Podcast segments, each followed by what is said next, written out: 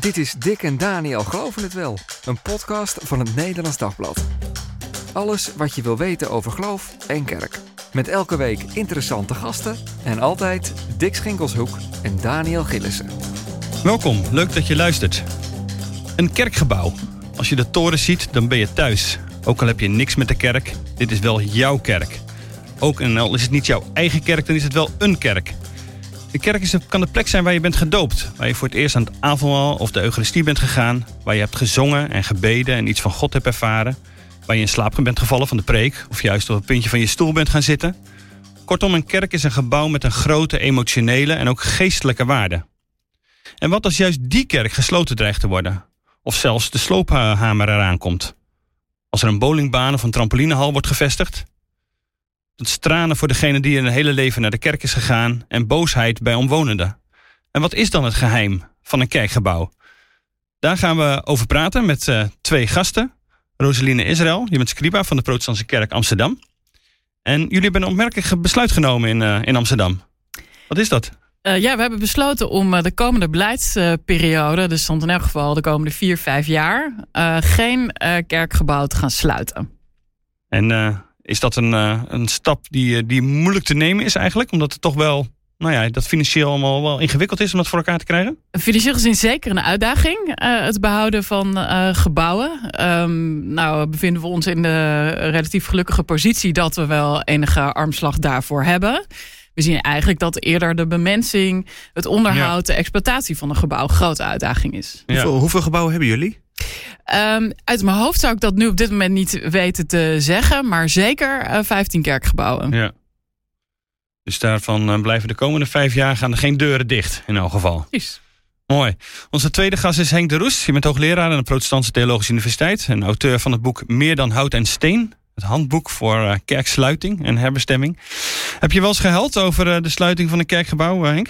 Nou, ik herinner mij dat ik een jaar of tien geleden in IJmuiden was. Uh, bij een avond waarin uh, oud uh, kerkgangers van de Goede Herderkerk in IJmuiden vertelden over hoe zij die sluiting van de Goede Herderkerk hadden ervaren. Dat was ook de kerk waar ik zelf in was gedoopt. Aha. En waar mijn vader predikant was in die eind jaren 50. En uh, die kerk uh, was ook al reeds leeg. Stond ook helemaal leeg. Hij is ah, ja. uiteindelijk ook gesloopt ook.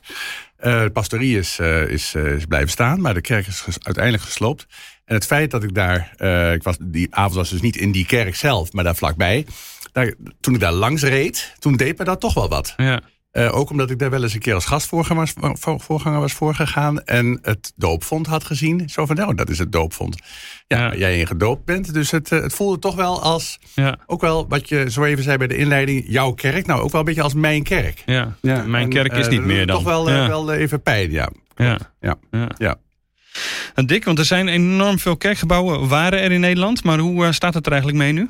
Nou, er waren ooit in Nederland uh, uh, ongeveer 7, ruim 7000 uh, kerken. Daarvan zijn er nu nog 5000 over, zou je kunnen zeggen. De rest heeft een andere functie gekregen, is gesloopt. dat aantal van 5000 moet je wel bedenken, dat gaat de komende jaren nog heel erg snel minder worden. En even voor je beeld, ongeveer 2000 daarvan zijn kerken, kerkgebouwen die behoren bij een gemeente van de, van de, de Protestantse kerk. Ongeveer 1200 katholieke kerkgebouwen. Um, ja. Wat, uh, waar ik me dan onmiddellijk aan denk is dat jij, Daniel, ooit een verkiezing hebt georganiseerd voor het mooiste, de mooiste gesloopte kerk. En ook dat er ontzettend veel reacties op, uh, op zijn gekomen. Ik moet eerlijk ja. zeggen dat me dat, ik kan me dat nog heel goed herinneren. Ik was er zelf niet, niet bij betrokken geleden. toen. Maar tien jaar geleden. Uh, dat je er zelfs de NOS mee hebt, hebt gehaald. Zeker. hoe, zat dat, hoe zat dat precies? Want dat, dat leefde dus enorm, die, die kerken die er dus niet meer zijn. Ja, het kwam eigenlijk allemaal met de Koninginnenkerk, dat later ook de, de winnaar werd. Maar toen daarvan las Koninginnenkerk in, in Rotterdam. Als je het niet geen beeld bij hebt, uh, google eens even. Uh, is echt een ja, majestueus kerkgebouw, uh, gebouwd begin 20e eeuw.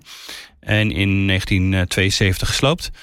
En nou ja, daar was zoveel reuring is er om geweest. We dachten, gaan we eens even inventariseren. Uh, een soort longlist maken van kerken die gebouwd zijn voor de Tweede Wereldoorlog. Met name uh, rond eigenlijk 1900. Uh, en na de Tweede Wereldoorlog zijn gesloopt. Nou, daar bleek er nog best wel wat te zijn. En er maakte een longlist van ruim 50 kerken. Ook 11 uit Amsterdam overigens, Roseline. Um, en daar zorgden, wij maakten een verkiezing eh, van. En dat riep toch wel heel veel op inderdaad. Omdat mensen dan ja, die kerkgebouw nog herinnerden uit hun jeugd. Of de trauma van de sloop in de jaren 60, 70, 80. Allemaal dat gevoel dat Henk net een beetje beschrijft. Van, Precies. dat was mijn kerk en, Ja. en die is er niet meer. Ja. en we kozen natuurlijk wel kerken die een beetje iconisch waren. Hè? Niet eh, de, de dorpsschuurtjes met alle respect, maar het waren wel echt grote eh majestueuze kerken veelal. Eh, en de Koninginnenkerk in Rotterdam kreeg echt vele duizenden stemmen. Eh, en daarna de Sint-Michaelskerk in Zwolle, die werd de tweede. En de derde de Maria Magdalena Kerk in Amsterdam. Aan de Spaandammerweg. 1968 eh, eh, gesloopt. Maar bij die Koninginnenkerk, dat was echt absurd veel verzet was daar toen tegen. Eh, eh, ook wat, eh, wat de nazi's lieten staan, gaat er nu wel aan. Was dan een soort gevleugelde uitspraak. Omdat Ja, want die kerk die had, van Rotterdam. Precies, die had het bombardement overleefd Precies. en ging alsnog voor de hamer. Ja, ja, maar goed, er is echt veel kerken in Rotterdam. zijn er geloof ik wel 55, als ik het goed herinner nog, die gesloopt zijn na de Tweede Wereldoorlog. Dus Ja. dat heeft veel opgeleverd. Ja, want Rosalinde, wat is wat jou betreft een kerk die nooit gesloopt had mogen worden? Oeh, ja, ik, ik woon natuurlijk nog niet zo heel lang in Amsterdam. Dus ik heb niet, ik heb niet echt heel erg beeld bij al die eh, verdwenen, eh, verdwenen kerken zelf. Dus dat, eh, daar, ja, ik, ik heb daar zelf niet, niet direct beeld bij. Ehm, ik ben zelf heel blij eigenlijk ook wel met kerken die een nieuwe bestemming vinden. Maar dat, En- dat voelt beter, hè? Op een of andere manier ja, kan, ik daar, kan, ik daar meer, kan ik daar veel meer bij. Zo Beter een je- trampolinehal dan... ja, en ik, ik herinner me een, een onderzoek eh, een aantal jaar geleden van een religiewetenschapper eh, rondom het hergebruik van eh, voormalige kerkgebouwen. Eh, wa- wat ook wel een beetje een soort twist geeft eh, in het hele dossier van kerk sluiten of niet. Is dat, ze, dat hij zei van ja, de, het, het- wat nu de moskee aan de Rozengracht in Amsterdam is, eh, is een vrij markant gebouw in die straat. Eh, de- het is dus een kerk geweest, eh, maar er heeft ook een meubelhal in gezeten en een hele grote muziekzaak. En ondertussen is het een moskee. Dus ja, ik weet niet. Ik, daar kan ik dan wel eh, dat ik denk, ja, dat, dat, dat vind ik mooi dat zo'n gebouw dus behouden is. En op dit moment zelfs dus ook weer een eh, behoorlijk publieke functie eh, Ja. heeft. ja, een religieuze functie ook weer heeft. Ja, Ja. Ja, interessant. Ik kan er wel even nog weer bij aansluiten dat eh, inderdaad ook voor de beleving van de kerkgangers of de eh, b- mensen die bij het kerkgebouw betrokken zijn, dus ook de leden in een wijde Ja. kring, eh, het wel uitmaakt, denk ik. Eh, wetende eh, dat een kerkgebouw gebruikt gaat worden door een andere kerkgemeenschap of een andere. Ja, hè, door Wat een ook andere- best wel wat gebeurt, hè? speelt ook een, ja, dat doet ook mee. Dat er een evangelische gemeente in komt, bijvoorbeeld. ja, precies. precies. En, het- en, en inderdaad, het maakt het mogelijk pijnlijker als, eh, als er sprake is van een eh, voornemen tot sloop. Ja. Dan, dan is dat inderdaad nog heftiger. Dat gebeurt minder, denk ik, in dorpen en zo, waar nu kerken gesloten worden, Klopt. dan platgooien. Dat is er minder bij, denk ik. Hè? Ja, dat is opmerkelijk als ik heel even mag. mag want eh, de, de overheid heeft nu natuurlijk ook een, eh, een eh, beleidslijn uitgezet. Waarbij elke gemeente uitgenodigd wordt om tot een kerkenvisie te komen.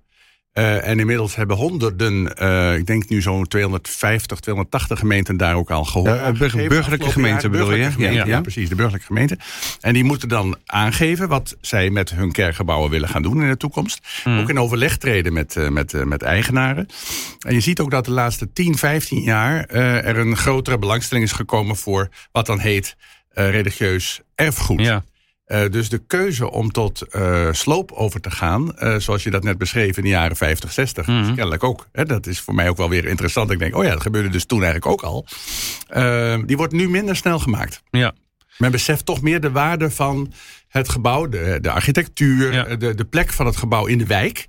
Precies. soms ook heel bewust in aansluiting bij de architectuur van de wijk.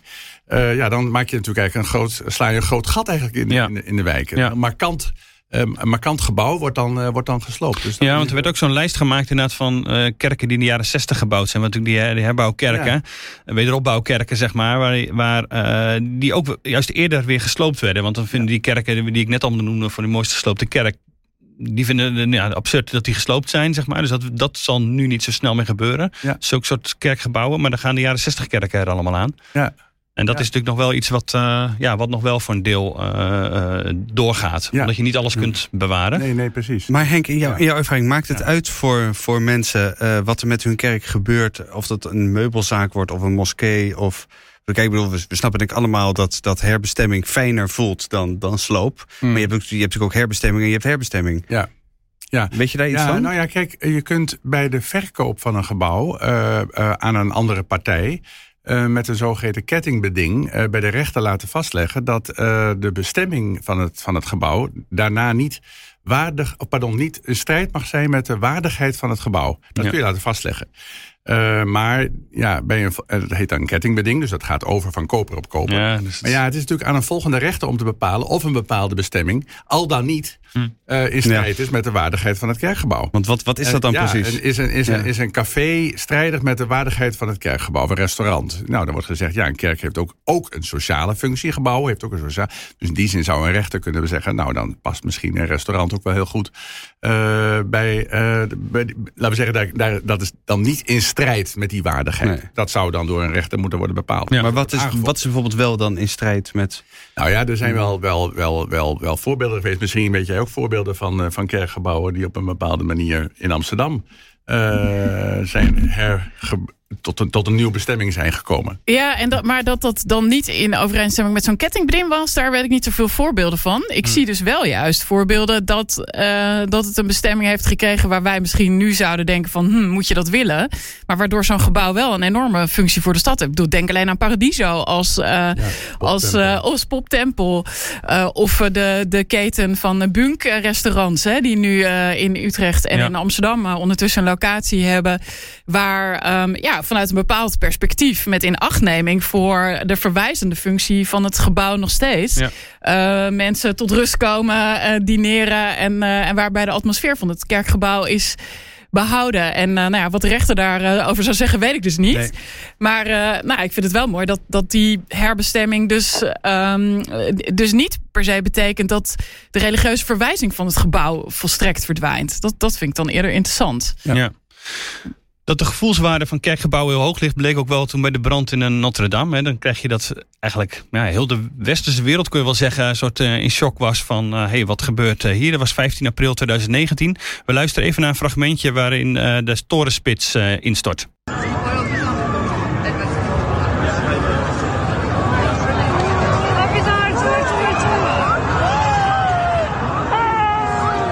Dit fragment laat wel uh, zien dat het enorme kerkgebouw en de uh, er zit een heel iconisch kerkgebouw wat mensen nou ja, misschien wel wereldwijd uh, kennen, maar het doet dus wel iets. Een kerk is voor een stad en voor mensen die daar wonen en voor mensen die daar bezoek gaan eigenlijk heel belangrijk. Ja. Wat zie je daarvan, Henk, als je daar met mensen over spreekt? Wat weten we daarvan? Het belang nou, daarvan? Um, eenzelfde ervaring deed zich voor bij mensen toen in Hoogmade het en, en hier, hè, dus vlakbij Leiden, het uh, kerkgebouw uh, afbrandde. Ja. Uh, en wat dan blijkt is dat, en dat weten we ook wel uit onderzoek, Matthias Kaljau doet nu bij mij onderzoek naar iconische kerkgebouwen in de grote steden. Dus de kathedralenkerken zou je kunnen oh, ja. zeggen, de grote kerken, de Westerkerk, de Lauwerskerk, et cetera. En mensen zeggen vaak, als ze die kerk zien, uh, ja, dan ben ik thuis. Ja. Je begon er ook geloof ik mee in, in, in inleidende woorden. Dus op het moment dat mensen de Stevenskerk zien in Nijmegen... ja, dan weten ze, we zijn weer thuis. Ja. Dezelfde ervaring had ik toen ik predikant was in Monnikendam... en op het Nabroek in Waterland zie je dan opeens de kerk van Monnikendam. We zijn weer thuis. dus dat gevoel van het hoort bij jouw thuisplek, bij jouw thuisgevoel... Uh, dat, is, dat is heel sterk. En, uh, en dat, en dat heeft natuurlijk... helemaal niks met geloof of kerkelijke betrokkenheid te maken. Nee, dat hoeft helemaal niet, uh, niet ermee verbonden te zijn. Nee, het is, het is een, het is een, een, een, een ja, symbolische betekenis, zou je kunnen zeggen, ja. die het gebouw dan heeft. dat zal mogelijk natuurlijk in bepaalde wijken anders kunnen zijn. Hè? Dat, dat, dat kan ik me heel goed voorstellen. Maar toch, het gebouw heeft wel door de tijd heen zo zijn plek gekregen. In, ook in, de, in, de, in, de, ja, in het bewustzijn van de mensen, zeg maar. Dat dat gebouw daar staat. Ik, heb, uh, ik had een mooi voorbeeld. Ik ben een gemeentepredikant geweest in Landsmeer. En uh, daar waren dan mensen die uh, uiteindelijk vanuit de kerk begraven wilden worden. Maar die, die niet mm. heel actief meelevend waren of zo. Maar die dan tot mijn verbazing de toren van de Westerkerk op hun uitvaartbericht, op hun overlijdensbericht ja. oh, ja. hadden staan. Ja. ja, wat dan toch iets aangeeft. Oh ja, dat waren dan oorspronkelijk geboren Amsterdammers. En als het dan ging over de grens van leven en dood dan kwam de toren van de Westerkerk om de hoek zetten. Ja. Is dat ook zo'n eh, voorbeeld? Het is niet dat Pleis op de Dam op de voorkant hebben Nee, gezet. no zeg maar. way, dat Dus was dan helder. Dat Ja. moet de toren van de Westerkerk zijn. Maar dan helpt het natuurlijk wel dat een kerk een toren heeft. Natuurlijk eh, alleen al Ja, omdat je, ja, precies, als je dan aankomt rijden. Dan, eh, Maar toch ook, eh, laten we zeggen, bij, eh, en dat weten we ook wel vanuit, ook weer vanuit onderzoek, maar dat weten we ook gewoon uit onze eigen bevinding. Eh, daar waar er sprake is van een crisis in een, in een, in een, in een samenleving of een, of een ramp. Eh, dan zoeken mensen toch ook wel vaak een kerk op om een kaarsje aan te steken. Eh, dat weten we van verschillende rampen waar dat gebeurd is. Hè. In Zweden na de eh, ramp met de veerboot, Estonia. Nou, massaal gingen mensen naar de kerken toe om daar een kaarsje aan te steken. Eh, dus kerken worden ook wel toch dan gezien als... ja, waar moeten we naartoe met ons verdriet of met onze ontzetting? Ja, misschien kunnen we wel een kaarsje gaan aansteken. Ja. Dat gebeurde ook bij de grote kerk in Apeldoorn... Na de, nadat die meneer Tatus met zijn Ja. auto tegen de naald was gereden. Ja. gereden. Toen eh, werd dat ook met- meteen gedaan door mensen. Er werd ook een kinderviering eigenlijk voor georganiseerd... of een kindergedenkmoment voor georganiseerd. Dus, eh, en daar werd ook massaal weer van gebruik gemaakt. Na En ik- de aanslag bij Breivik, hetzelfde verhaal. Eh, of door Breivik in, in Oslo. MH17 denk ik natuurlijk ook meteen aan. En, ja, inderdaad. Dus bij rampen zie je dat nogal eens gebeuren. Dat mensen dan toch zoeken naar een soort ja, heilige ruimte, heilige plek, geheiligde ruimte. Dan is de kerk Om- de logische plek En om naartoe te gaan. dan- ja, ja, precies. Nou, en ik denk, ik denk dus dat ook dus dat protestantse eh, gemeentes en, en hè, vanuit onze protestantse theologie is dat kerkgebouw als heilige, heilige plek. En eh, natuurlijk zit niet helemaal in ons DNA. Nee, is een beetje Maar dat, dat die voorbeelden die Henk eh, hier noemt, eh, ook wel echt van invloed zijn op hoe wij toch ook in onze protestantse kerk met dat soort situaties omgaan. Hè? Dus dat de Westerkerk eh, een groot bericht, eh, persbericht de deur uit doet eh, op alle socials. en na de moord op Peter R. de Vries bijvoorbeeld de deuren opengooien, gelegenheid geven voor, aan mensen om kaarsjes aan te steken. Is wel direct gevolg ook van de voorbeelden die Henk hier volgens mij beschrijft. Dat je ziet van, oh ja, hier kunnen we een functie hebben voor de stad die dus veel verder gaat dan onze eigen wijkgemeente. Ja, En daar komen dan ook honderden mensen op af. ja. Maar, maar eh, denken jullie niet dat, oké, nu een, een kerk heeft nu voor mensen dat die gevoelswaarde. Maar misschien over 10, 20 jaar kan dat ook toch ook prima in een café. Kun je een kaarsje aansteken. Ja, ik aarzel dan inderdaad. Omdat ik denk Waarom dat aarzel zo- je dan? Nou ja, dat laten we zeggen dat als je kijkt in, de, in de, ook een beetje de geschiedenis van de mensheid. Het is zo, zo, in, zo in het collectieve geheugen zeg maar, verankerd. Eh, een, een, een plek, een plek een, een, een, een, ja, dat is dan toch eigenlijk het, het woord wat je moet gebruiken. Het is, niet, het is een ruimte, maar goed, dat wordt dan een plek waar dat kan. Eh, eh, ja, dat is van, van alle tijden. En, en, en, en van alle eh, plaatsen ook. Dus met andere woorden, dat zie je in verschillende landen. Dat, en dat hoeft natuurlijk niet per se. Kijk, als het dat natuurlijk gaat om noem maar, Tunesië, was een land vol met kerken in, tot in de derde, vierde eeuw. Maar dat is allemaal verdwenen. Er zijn nog Nederland 70 witte paters in Tunis. En dat is de presentie van zeg maar zo'n beetje de kerk in, in, in Tunesië. Dus, maar er zijn toch nog wel allerlei heilige plekken. Dus het, het, het, het fenomeen van een heilige plek. Ja, dat is wel iets, iets van alle tijden en ook misschien wel van alle culturen. ja. Oké, dat gaat een café niet overnemen. Dat gaat een café niet overnemen. Is er een kerk, Rosaline, waar jij je sterk mee verbonden voelt? Een kerkgebouw? Het is natuurlijk wel een hele tricky vraag voor Ja. de scriba van, eh, van, de, Van- van een kerk met, eh, Dat wordt, dat met een kerk meerdere Amsterdam kerkgebouwen. Nee? Nou, Nou wat, nou, wat ik wel boeiend vind, is ik, ik was dus zelf gemeentepredikant in Landsmeer, dus buiten Amsterdam. Ja. Maar ik heb met mijn gezin altijd in Amsterdam gewoond.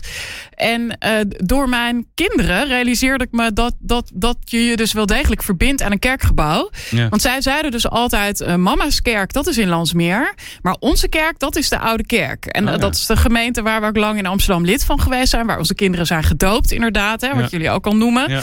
Eh, hè, waar ze bij de tienerkringen betrokken zijn geweest. Een eerste eh, keer hebben meegedaan aan het avondmaal. Eh, dus, dus ook aan mijn kinderen merkte ik, je verbindt je aan, een, aan een gebouw. En dat, we, hebben daar, we wonen nu niet meer in het centrum van de stad sinds een aantal jaren. Dus we hebben echt twee jaar geleden echt wel afscheid genomen. Maar dat blijft toch ook wel echt de plek. Ja, daar zijn zij gedoopt. Daar hebben zij, zijn zij toegetreden tot ja, die grotere gemeenschap die tijden en plaatsen eh, eh, overstijgt. Dus het is ook wel belangrijk inderdaad voor kinderen, zeg je ook heel duidelijk. Absoluut, ja. En, en ik denk ook dat gevoel wat zij met dat gebouw hebben, doordat ze daar hun, ook hun eerste stappen letterlijk hebben gezet. Ja. Ja, ik, ik kan me goed voorstellen dat dat iets is wat, eh, wat blijft. Maar kun je dat ook, want er zijn natuurlijk zat van eh, kerken die in, in, weet ik veel, tot in, in eh, scholen, hoe heet dat, eh, aulas van scholen of, eh, of sporthallen of weet ik wat, eh, samenkomen. Kun je dat ook met zo'n soort plek eh, krijgen, Henk? Of hoor je dat eigenlijk nooit? Nou, dat is een leuke vraag. Want eh, daar waar er sprake is van een nieuwe wijk of woonwijk, dan wordt vaker voor gekozen om tijdelijk eh, het begin. Eh, bijvoorbeeld in een aula te kerken. Precies. en ja. eh, de overgang naar een eh, vast gebouw. ehm, wordt soms ook ervaren als van, nou, we gaan vanuit de tent, zou je kunnen zeggen, naar Ja. het stenen gebouw. Ja. Maar die tent had ook wel wat. Dus het, Ja. het, het, het, het elke zondagochtend weer de spullen moeten klaarzetten en weer opruimen en zo. En dan samen met elkaar daarmee bezig zijn. Ja. Wat, wat, wat eigenlijk heel, heel fundamenteel is, denk ik, voor de beleving van kerkgangers, is dat zich in dat, in dat gebouw een gemeenschap vormt. Ja. En dat is eigenlijk ook wat eh, mensen het meest eh, zeer doet, eh, misschien nog wel, als het gebouw gesloten wordt. Het is niet altijd gekoppeld aan de stenen, alhoewel dat ook het geval kan zijn, bepaalde plekken in het gebouw. bepaalde dierbare plekken Mhm. in, het, gebouw, bepaalde voorwerpen ook in het gebouw. De gedachtenishoek bijvoorbeeld, er wordt, wordt, wordt, hè, dus in het onderzoek wat ik deed in Zwolle, speelde dat een grote rol. Maar ook de gemeenschap die men vre- vreest te zullen moeten verliezen. En elke kerkganger vraagt zich dan ook af, blijf ik in een nieuwe situatie waarbij we naar een andere, ander kerkgebouw zullen moeten gaan? Blijf ik dan bij de gemeente horen, bij deze gemeenschap? Of ga ik shoppen of ga ik eh, nou, eh, naar een andere kerk? Dus elke kerkganger staat voor die beslissing. Wat doe ik na de sluiting? En dat betekent dus eigenlijk dat de gemeenschap onder druk komt te staan. En dat weet ook iedereen. Wij, wij raken elkaar ongetwijfeld, eh, in deze vorm althans, eh, kwijt. Ja. ja, want er komen mensen bij, er gaan, mensen Ja, en af. een gemeenschap is ook vaak voor mensen een troostgemeenschap geweest. Dus om, eh, in tijden van rouw. Eh, eh, eh, we hebben daar ook weet van dat mensen dan zeggen: Ja, ik heb er toch echt veel steun aan ervaren aan de geloofsgemeenschap en aan mijn geloof zelf, maar ook aan de geloofsgemeenschap. Ja, dan vreest men dat die gemeenschap uit elkaar zal vallen. Ja. En Dat is een terechte vrees. En ik herken het ook uit eh, Amsterdam. Ik heb dan eh, één kerkgebouw meegemaakt, wat uiteindelijk waar we wel afstand van hebben genomen. Daar is een andere gemeenschap, kerkgemeenschap ingekomen. Maar ik heb dus de dienst meegemaakt waarin de overgang gemaakt werd van het kerkgebouw, dat dus nou ja, vanuit ons zeg maar gesloten werd, naar het kerkgebouw waar in gezamenlijkheid met, met, met, met de bestaande wijkgemeente ehm, deze gemeente zou verder zou gaan vieren. En ehm, ja, daar in dat hele proces zie je ook dat je, je raakt ook echt mensen kwijt Ja. in zo'n in zo'n in zo'n overgang. Ja. En dat, ehm, eh, dus ondanks dat we daar eh, heel, nou goed, ook begeleiding op hadden gezet, pastorale begeleiding, om, om mensen die die overgang te helpen maken. Merkte je gewoon, ja, mensen zijn wel aan dat gebouw eh, verbonden geweest. En de stap om dan ergens anders, al is het in een belendend stadsdeel, Ja. eh, naar de kerk te gaan met een kerk met een vergelijkbare identiteit, om het zo te zeggen. Dat werkt Eh, gewoon dat niet. werkt niet voor niet. iedereen. Nee. Nee. Nee. Nee. Nee. Hoe doe je dat op een goede manier? Want je zei, we hebben daar pastorale begeleiding. eh, Ja, dit is een proces geweest eh, ja, waar, wat, wat heel, wat, wat, waar gewoon met heel veel liefde en energie eh, in is gestoken. maar ga je dan Dus- bij wijze van spreken met, met iedere kerkganger praten? Zeker. Ja? Dus dat, daar, daar is, daar is een, een, een interim pastor is, is echt helemaal met die hele groep eh, onderweg geweest. eh, naar, naar die laatste dienst. eh, naar de overgang na- naar het kerkgebouw van de andere gemeente. Er zijn allemaal gesprekken, gespreksgroepen over geweest. Eh, de gemeente waar ze bij aansloten heeft de naam van het oude kerkgebouw verbonden aan Oh ja. haar gemeenschapsruimte. Hè, dus, dus daar is echt, dat is echt enorm zorgvuldig eh, gedaan. Daar ben ik, ben ik heel blij mee en ook wel trots op dat we dat zo hebben gedaan. Maar zelfs dan dus eh, kan je nog niet iedereen eh, meenemen. Dus hoe dan ook leidt kerksluiting tot het verlies van kerkleden. Nou ja, het is, het, is, het is ongetwijfeld zo, en dat kun je denk ik zelfs ook wel hard maken, dat alhoewel er eigenlijk ook echte cijfers voor ontbreken, die hebben we op die Mm. manier niet. Mm. Ehm, maar wel eh, eh, in de jaren 90 en in de jaren 80 zijn er kerken gesloten op een onzorgvuldige manier. Die, waarbij veel mensen ook achteraf zeggen dat had anders gemoeten, had ook niet gemoeten. Eh, en, en, en inderdaad zijn sluitingen in het verleden vaak een versneller geweest van kerkverlating. Ja. Dat kun je, dat kun je rustig zo zeggen. Eh, dus de, met, met die gedachte dat elke kerkganger zich die vraag stelt, et cetera. En eh, we zien het nu ook gebeuren in Twente. Waar, de, Ja. waar, waar, veel kerken gebeurt, dicht. waar, eh, ja. nu we het erover hebben, gebeurt dit eigenlijk op dit moment. Met name katholieke kerken Ja, dan, hè, binnen kerken. En er is heel veel Utrecht. verzet. Ja, er is heel veel verzet geweest. En het is nu zo dat tien jaar geleden, ruim tien jaar geleden, hebben die parochies moeten besluiten om samen één nieuwe parochie te vormen. Dat is gebeurd. En die nieuwe parochie, ja, die uh, zit dan, laten we zeggen, het centrale punt is te bergen. En die moet dan bepalen, uh, moet vragen aan de bisschop om, het, om de gebouwen in die parochie te sluiten. Mm. Nou, dat betreft in dit geval een zes kerkgebouwen, waarbij een aantal dorpen zeggen: ja, we hebben, we hebben eigenlijk meer dan genoeg geld uh, om dit kerkgebouw te onderhouden. Langeveen, 80.000 euro kerkbalans per jaar. Dat is heel veel, een enorm bedrag. Dat hebben wij ook over voor ons kerkgebouw mm. en voor onze kerk. Ja, dat geld, ja, dat is eigen, wordt, ja, eigendom van die nieuwe parochie. En gaat dus vervolgens naar, ja, naar Tubbergen. Dus ja, maar het jaar erop komt er geen 80.000 euro meer binnen. Nee, dat kan ik je wel beloven natuurlijk. Precies, exact. Dus, de, dus de, de, de, het gevoel is, onze kerk uh, ja, wordt ons eigenlijk ontnomen. En, en ik denk inderdaad met Rosaline, uh, zo even zei jij dat... Um, dat proces heel zorgvuldig ging. Ik denk dat als mensen ervan overtuigd zijn dat het echt niet anders kan, dat het, dat het noodzakelijk is, dan zijn mensen bereid om het los te laten en ook te zeggen van nou, dat, wij begrijpen dat aan alle kanten en het is uh, zorgvuldig voor. We zien dat ook financieel of door het onderhoud of de mensen. Uh, uh, zwaarwegende redenen. Als dat echt overtuigend verhaal is, dan mhm. zijn mensen bereid om mee te gaan. En dan is er ook een, een inspirerende kerkvisie waarbij je zegt ja, de kerk is niet afhankelijk van het kerkgebouw. Ja. Dat klopt. Maar kan het nog zijn dat het bij katholieken, juist vanwege, we gaan even over die theologie hebben, wat mij betreft, over hè, de verschil tussen protestantse en katholieke theologie als het gaat om het kerkgebouw. Uh, dus nog, uh, dat je nog sneller de mensen verliest. Omdat die binding met dat kerkgebouw als, als katholiek nog sterker is dan bij als protestant. Kun je dat zeggen?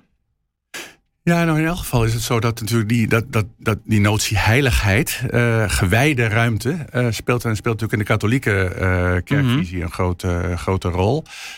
minder dan bij de, hè, dus sterker dan bij de bij, bij protestanten. maar de, ja, de, zou je kunnen zeggen, de, de normatieve visie op het gebouw zie je toch eigenlijk ook terug in de protestantse wereld. Namelijk, de, de leiding zal zeggen, uh, de geloofsgemeenschap, het volk van God, is onderweg naar het koninkrijk. We zijn niet afhankelijk van een mm. kerkgebouw. Nee. De gemeenschap is meer dan hout en stenen. Hè? Uh, en we zijn op weg naar het, uh, naar, naar, naar het rijk als pelgrims. Hè? Dus we zijn, en we mogen eigenlijk ook niet, zegt ook een protestantse visie, vanuit de schrift ook, vanuit de Bijbel gefundeerd, niet te zeer, al te zeer gehecht raken aan het kerkgebouw. Nee. Maar de beleving van de kerkgangers en de ervaring van de is totaal anders. ja. Hard knikken? Ja. Ja. nou ja, en ik, ik kan me in die zin wel voorstellen, en, dat, en, en dat, dat, dat is natuurlijk ook een element van theologie, dat nou ja, zoiets als devotie, uh, plekken en kapellen in de kerk waar je kaarsjes aan kunt steken, die eh, vanwege een heilige, een, een verwijzing, de aanwezigheid van de hostie enzovoort, wat, wat ook een theologisch element is, maakt natuurlijk wel dat die verbinding met dat gebouw ook wel echt heel devotioneel geladen uh, kan zijn.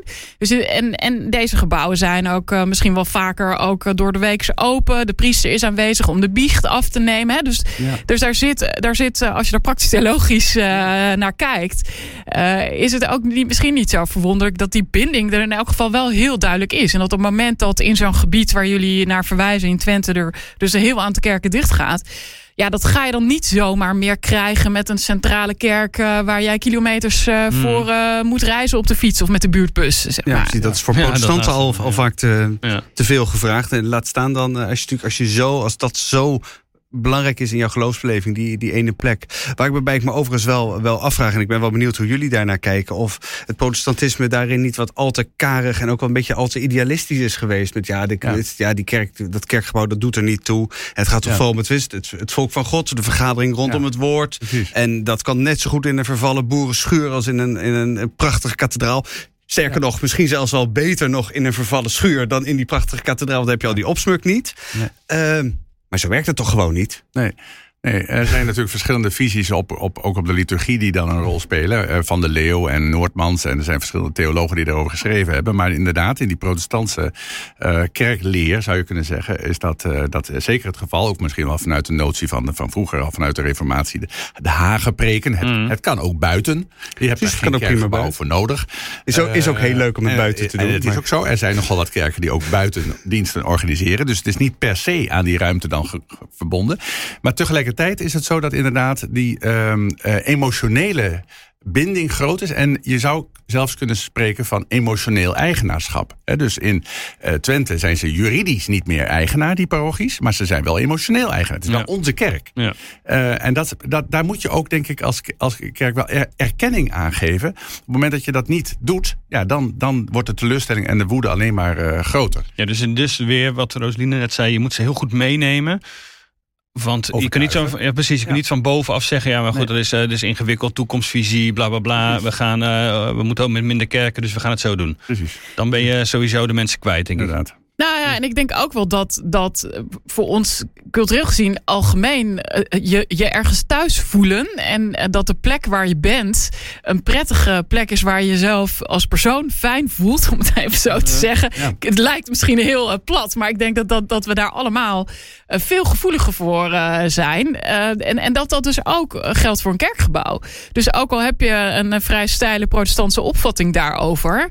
Dan wil je nog in een gebouw zijn dat op een bepaalde manier uh, esthetiek uitademt. Waar jij je thuis voelt. Waar je, waar je prettig uh, kunt zijn. Waar je goed kunt concentreren op het woord als het daar dan over gaat. Hè? Dus, dus ik denk dat dat ook wel iets is wat, je, wat mensen. Wat maakt dat dat gebouw uh, wel degelijk er, ertoe doet. Ja, dat succes. Zelfs in inderdaad wat je noemt de meest steile protestantse kerken zo. Er zijn heel veel bevindelijke kerken waar de preekstoel bijvoorbeeld echt verboden terrein is. Als je niet de voorganger bent, dan blijf je daarvan af. Dan, nou, ik weet niet of er, of daar bovenop schoongemaakt mag worden of gestofzuigd. Maar dat is het dan wel zo'n beetje. Ja, een hele discussies over wat voor soort uh, tafel, avondmaalstafel moeten we dan hebben. Als, het als er een doopvand vervangen moet worden. Uh, welke kaars. Nou ja, weet je wel. Dus daar, dat, dat merk je dat, dat, er, dat er in de beleving, denk ik, ook wel echt... Het bloed kruipt ook gewoon waar het niet gaan kan. Ja. In, een, in een, in een, uh, een periode van negen maanden heb ik e-, één gemeenschap gevolgd in Zwolle. de Hoeksteen. En die gemeenschap moest haar gebouw sluiten. Dat, was, was, dat besluit was genomen. En de, in die negen maanden voorafgaand aan de sluiting heb ik hen uh, gevolgd in dat proces. En um, gevraagd of, of, zij foto's konden maken van datgene wat ze het meeste zouden missen als het gebouw er niet meer zou zijn. Dat was voor aantal mensen echt te moeilijk. En dan zeiden ja, dat kan ik niet zo. goed uh, vastleggen. Te emotioneel? Nou, nee, dat of, niet. Nee, uh, gewoon, of, nee, hoe, hoe moet ik dat dan precies vastleggen? Oh, dat is okay. voor mij niet zo makkelijk. Een aantal foto's lukte wel. Telefoon. Maar toen bleek er een fotograaf te zijn in die gemeenschap... die ongeveer 300 foto's had gemaakt van het leven van die gemeente in dat gebouw. Oh, ja. En daar werd een selectie... Dus er konden mensen zelf selecteren. Dus die lagen allemaal oh, op tafel. Ja. En zeiden ze, nou, deze foto en deze foto en deze foto... die drukken voor mij uit wat ik het meeste zal missen... Ja. als het gebouw er straks niet meer zal zijn. En, en wat was um, dat? Bij verschillende bijeenkomsten konden mensen dan die keuze toelichten. En wij dachten, twee bijeenkomsten is genoeg. Maar we hadden negen bijeenkomsten nodig. En bij elk van die negen bijeenkomsten waren ongeveer 10, 12 mensen die vertelden over hun foto. En, en ja, ik herinner me nog heel goed dat een mevrouw vertelde: Ja, ik heb deze foto gekozen. Dan zie je eigenlijk alleen maar een, een plek. Maar dat was de plek waar de kist stond van onze overleden dochter. En toen wij, toen wij onze dochter moesten begraven, ja. uitvaart, stond daar de kist. Zo. En dus als ik de kerk inkom, dan, dan, dan gaan mijn ogen onmiddellijk naar die plek. En daar stonden jullie, zei ze tegen de andere mensen in die groep, stonden jullie om ons heen. Nou, dat, ja. En dan er was iedereen was, was geraakt natuurlijk, en in, ook in tranen, omdat dat verhaal ja, voor haar zo uh, ja, verbonden was aan het, ja. ook aan het, aan ja. het gebouw. Dus haar, haar emotie, haar rouw was ook verbonden met, met, met, met die plek. En andere mensen kozen voor de gedachtenishoek, die ik ook al even noemde. Maar weer anderen voor de, uh, de avondmaalstafel inderdaad, waar een, waar, een, waar een geborduurd avondmaalskleed over hing. Maar goed, zo zijn er allerlei voorwerpen waar mensen dan, of plekken waar mensen ook uh, emotioneel betekenis aan hebben toege, toegekend. Ja. Maar als je ja. dat tot je laat doordringen, dan is het toch bijna niet te doen om een kerkgebouw nee, sowieso ook, te sluiten. Het, een, het, wordt ook ervaren, je hebt dat nooit meegemaakt, zo'n zo'n laatste dienst. Wordt vaak ervaren als een, als, ik, ja, als een uitvaart. Wij, wij, hè, dus de ja. laatste afscheidsdienst Daarbij zeggen mensen vaak, het was net alsof ik naar een, naar een begrafenis toe ging. Een kanselbijbel die er buiten gedragen wordt, dat ja. soort rituelen. Ja, hoe, hoe hebben jullie dat ja. gedaan? Ja. Uh, nou, in, uh, met het, het gebouw waar, waar, ik het over heb, is, is de ontmoeting uh, in Geusveld. en daar, daar is in die dienst had echt absoluut die sfeer van een afscheidsmoment. dus er werd teruggeblikt op wat er, wat er nou ja, zo al allemaal in zo'n gebouw is is, is gebeurd. De, de, de verhalen en de emoties die daar inderdaad aan verbonden zijn. Daar, daar was veel ruimte voor door verschillende mensen. En daarna is echt de transitie gemaakt van het verlaten van het gebouw. Inderdaad. Hoe, hoe zag dat eruit? Nou, dus, dus, dus uh, mensen werden uitgenodigd om uh, de, ja, de belangrijke liturgische paraphernalia, om zo te zeggen, om die mee te, om die mee te nemen. Dus inderdaad, de consulbijbel, de paaskaars, de bloemen, um, de, de, de, de, de kruisjes uit de gedachtenishoek, ik zeg maar wat. Hè? Dus, uh, en dat hebben echt met z'n allen uh, is, dat, is dat uitgedragen. En in een stoet van auto's en fietsen. Ja. Uh, vervolgens dus, uh, naar dat andere ja, gebouw.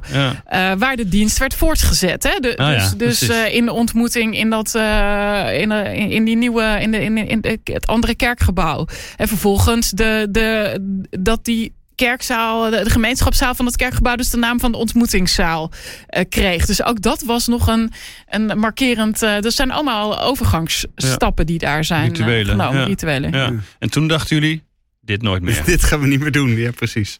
Nou, ik weet niet, het was niet helemaal letterlijk in de tijd. Maar, maar, maar die herinnering denk ik wel aan, aan het uh, afscheid nemen van de ontmoeting. Die heeft wel zeker meegespeeld uh, in de weg naar dit uh, nieuwe beleidsbesluit, beleidsbesluit toe. Ja, want wat was voor jullie de belangrijkste reden? Uh, dat we denk ik zien dat, uh, nou ja, verschillende dingen. Dat, die, dat dit hele verhaal wat we nu met elkaar vertellen over het belang van kerkgebouwen voor de gemeenschap. Ik denk dat, dat, dat, dat we dat heel duidelijk onderkennen.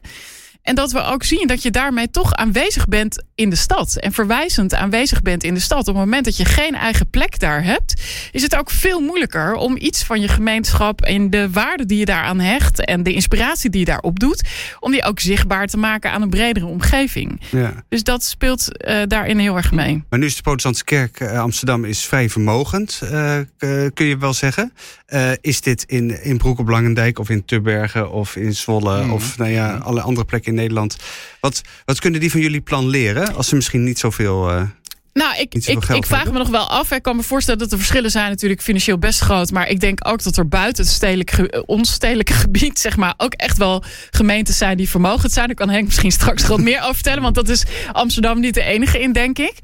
De uitdaging zit, denk ik, uh, op heel veel plekken veel meer. En ik denk dat Amsterdam daar geen uitzondering is. Is mm. heb je de menskracht uh, voor, voor het reguliere onderhoud en voor het beheer en de exploitatie van een gebouw. En ook de bestuurskracht om daar de goede ideeën en de beleid op te voeren. Ik denk dat daar dat, dat Amsterdam nog niet spannender is. Dat, ja, dat ja. is zeker in Amsterdam ook spannend. En dat daar is Amsterdam volgens mij niet alleen in. Ja, want het moet wel een levende gemeenschap blijven. Het is niet alleen maar die, die kerk staat er, die is er gelukkig en af en toe kan de deuren ze open en that's it.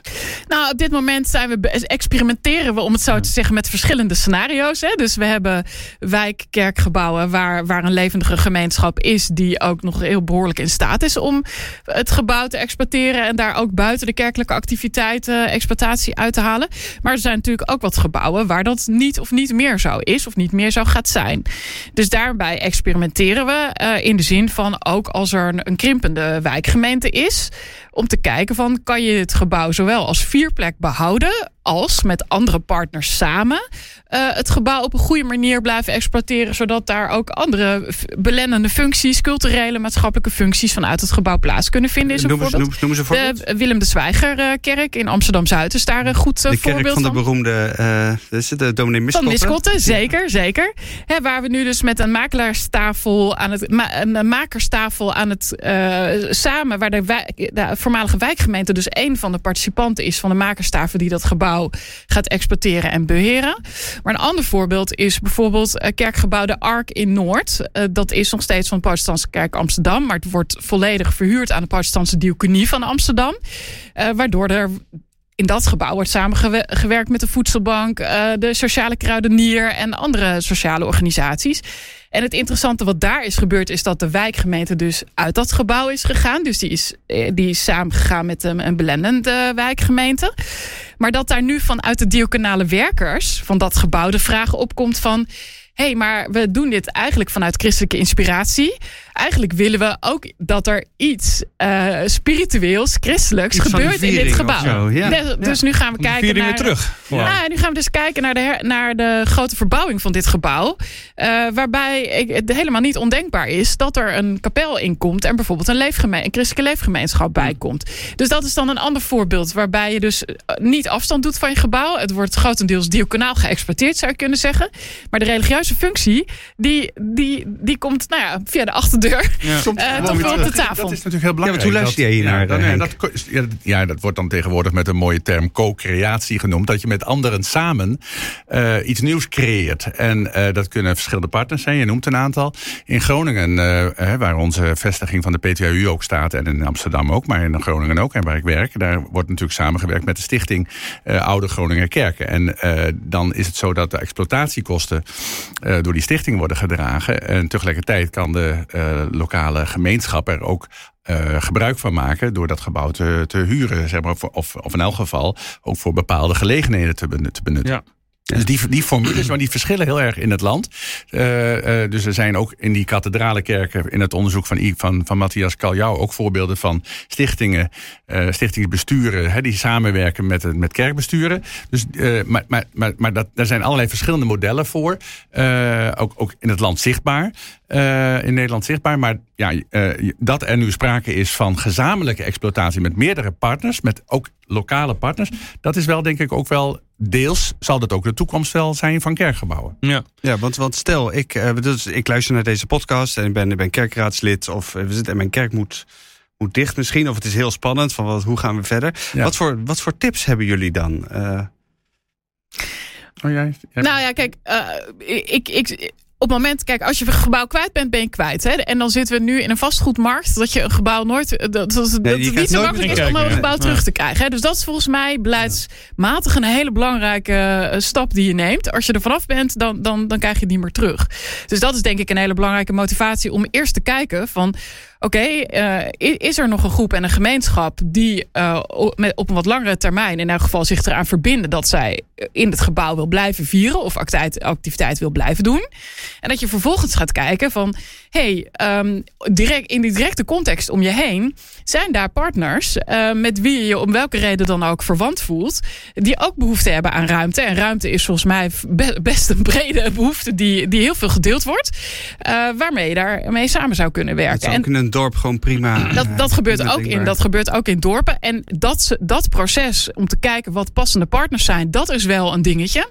Want ehm, ja, op het moment dat je daar als kerkelijke gemeente eh, nou ja, eh, een beetje stijl opstelt, eh, wordt het natuurlijk heel. Is dat samenwerken en zoeken waar verbindingen liggen. Dat zijn wel processen die meestal niet vanzelf gaan. Dus daar zien we wel dat het best wel de moeite loont om daar wat expertise van buiten bij te betrekken. Co-creatie noemt Henk Alde. Ik weet ook hier in Amersfoort van plekken waar dat, dat gebeurt. En er zijn ja, bureaus van architecten, mensen met architectonische maatschappelijke achtergronden die daar zich ondertussen aardig in aan het scholen zijn.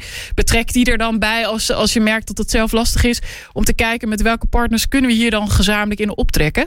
En de ervaring die daar wordt geleerd is dat het dan heel belangrijk is om als volgende stap te kijken van wat zijn dan de waarden die we delen in het gebruik van het gebouw, waar we een soort kader mee kunnen scheppen waarop gezamenlijk gebruik Ja. eh, en exploitatie mogelijk is.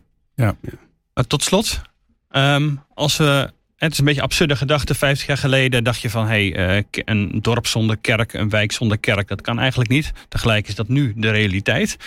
Ehm, is het inderdaad een beetje absurde gedachte om te denken, ja, alle kerken in Nederland kunnen wel eens gaan sluiten. Eh, wat, hoe voorkomen we dat inderdaad? Is dat iets waar we nu ook al op in kunnen grijpen om te zorgen dat dit, dat dit niet gaat gebeuren?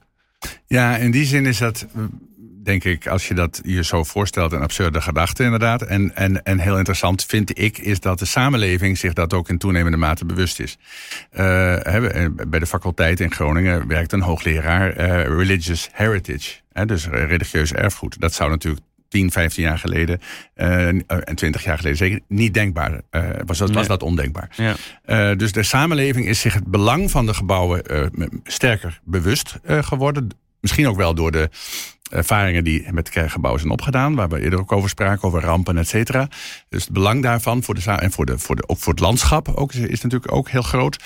Dus uh, sloop is sowieso veel minder een optie. Ja. Uh, maar hergebruik en samen met andere partners nadenken over de inrichting van het gebouw. Ik vind het heel mooi dat Rosaline net noemde uh, gezamenlijke waarden. Of jij zei dat geloof ik, Dick. Nee, was ja, Rosaline zei dat. Gezamenlijke waarden. Dat geldt eigenlijk ook voor samenwerking met een andere kerk na een sluiting. Ja. Dus wat waren onze waarden? Wat was voor ons belangrijk? En kunnen wij die meenemen naar die nieuwe situatie? Dat is denk ik heel wezenlijk dat mensen zich kunnen herkennen, in die, ook in die nieuwe situatie. Waar inderdaad samengewerkt kan worden met een, nou, met een, of met een ander kerkgenootschap, of met een migrantenkerk, of met uh, uh, maatschappelijke organisaties die Ja. er ook zijn in de omgeving. Uh, dus dat, dat is denk ik heel, heel, heel wezenlijk. Maar Dus denk ook dus vooruit, zin- zeg maar. Ja, denk vooruit. Denk vooruit van hoe kun je inderdaad al eh, eh, anticiperen op mogelijke ontwikkelingen die er gaan. Of de Ja. ontwikkelingen die er sowieso gaan Exact, komen van ons exact. En laat het scenario natuurlijk ook nadrukkelijk open. Want dat is denk ik heel belangrijk. Mhm. Waar ook voor gekozen kan worden. Van ook al eh, eh, eh, eh, zal het dak misschien een beetje gaan lekken. Ja. En zijn we nog maar met tien mensen. Maar misschien moeten we toch in het gebouw blijven.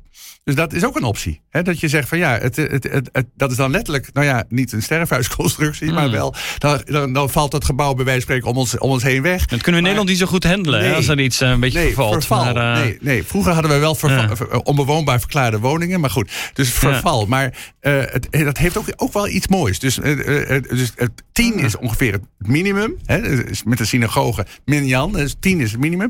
Maar je moet misschien ook niet te snel zeggen, we gaan weg.